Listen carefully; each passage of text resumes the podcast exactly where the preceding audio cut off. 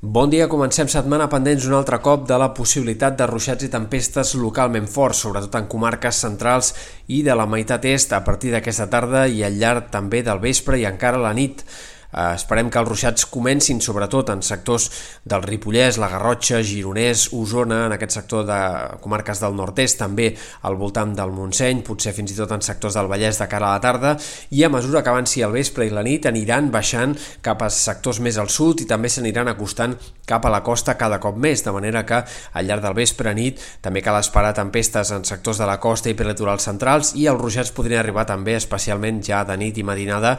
a punts del Camp de Tarragona, sectors del de, Garraf, Penedès, Altiplà Central, en tots aquests àmbits hi ha la possibilitat avui d'alguns aiguats que puguin deixar 20, 30, 40 litres per metre quadrat en poca estona i que vagin acompanyats de tempesta o fins i tot puntualment de calamarsa. Tot plegat comportarà un ambient més de tardor, temperatures que baixen avui sobretot al Pirineu i en comarques de Girona, en canvi el vent de Mestral pot fer pujar una mica el termòmetre avui cap a les Terres de l'Ebre i en general al terç sud de Catalunya, però de cara a demà també la temperatura arribarà a baixar clarament en aquest sector de la meitat sud del país i per tant l'ambient de tardor, l'ambient més d'octubre que no pas de finals de setembre marcarà aquests pròxims com a mínim 3 o 4 dies. És veritat que més aviat de cara al final de la setmana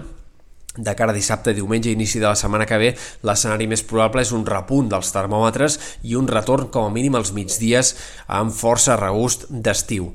Pel que fa a l'estat del cel, sembla que aquesta no serà l'única tongada de ruixats d'aquesta setmana. Haurem d'estar pendents d'un embussament d'aire fred a les capes altes de l'atmosfera, una gota freda que, tot i que s'anirà desplaçant a mesura que avanci el dimarts cap a sectors més centrals de la península, podria acabar originant alguna nova pertorbació, eh, sobretot en sectors del Mediterrani de cara a dimecres i dijous. Ara mateix els escenaris més probables són pluges intenses, especialment al sud del País Valencià, pitiuses de cara a dimecres i dijous, però no podem descartar també alguns aiguats destacables en altres sectors del País Valencià, Terres de l'Ebre especialment, o fins i tot en altres punts de Catalunya i de les Balears. Hi ha incertesa en el pronòstic i caldrà seguir-lo de cara als pròxims dies.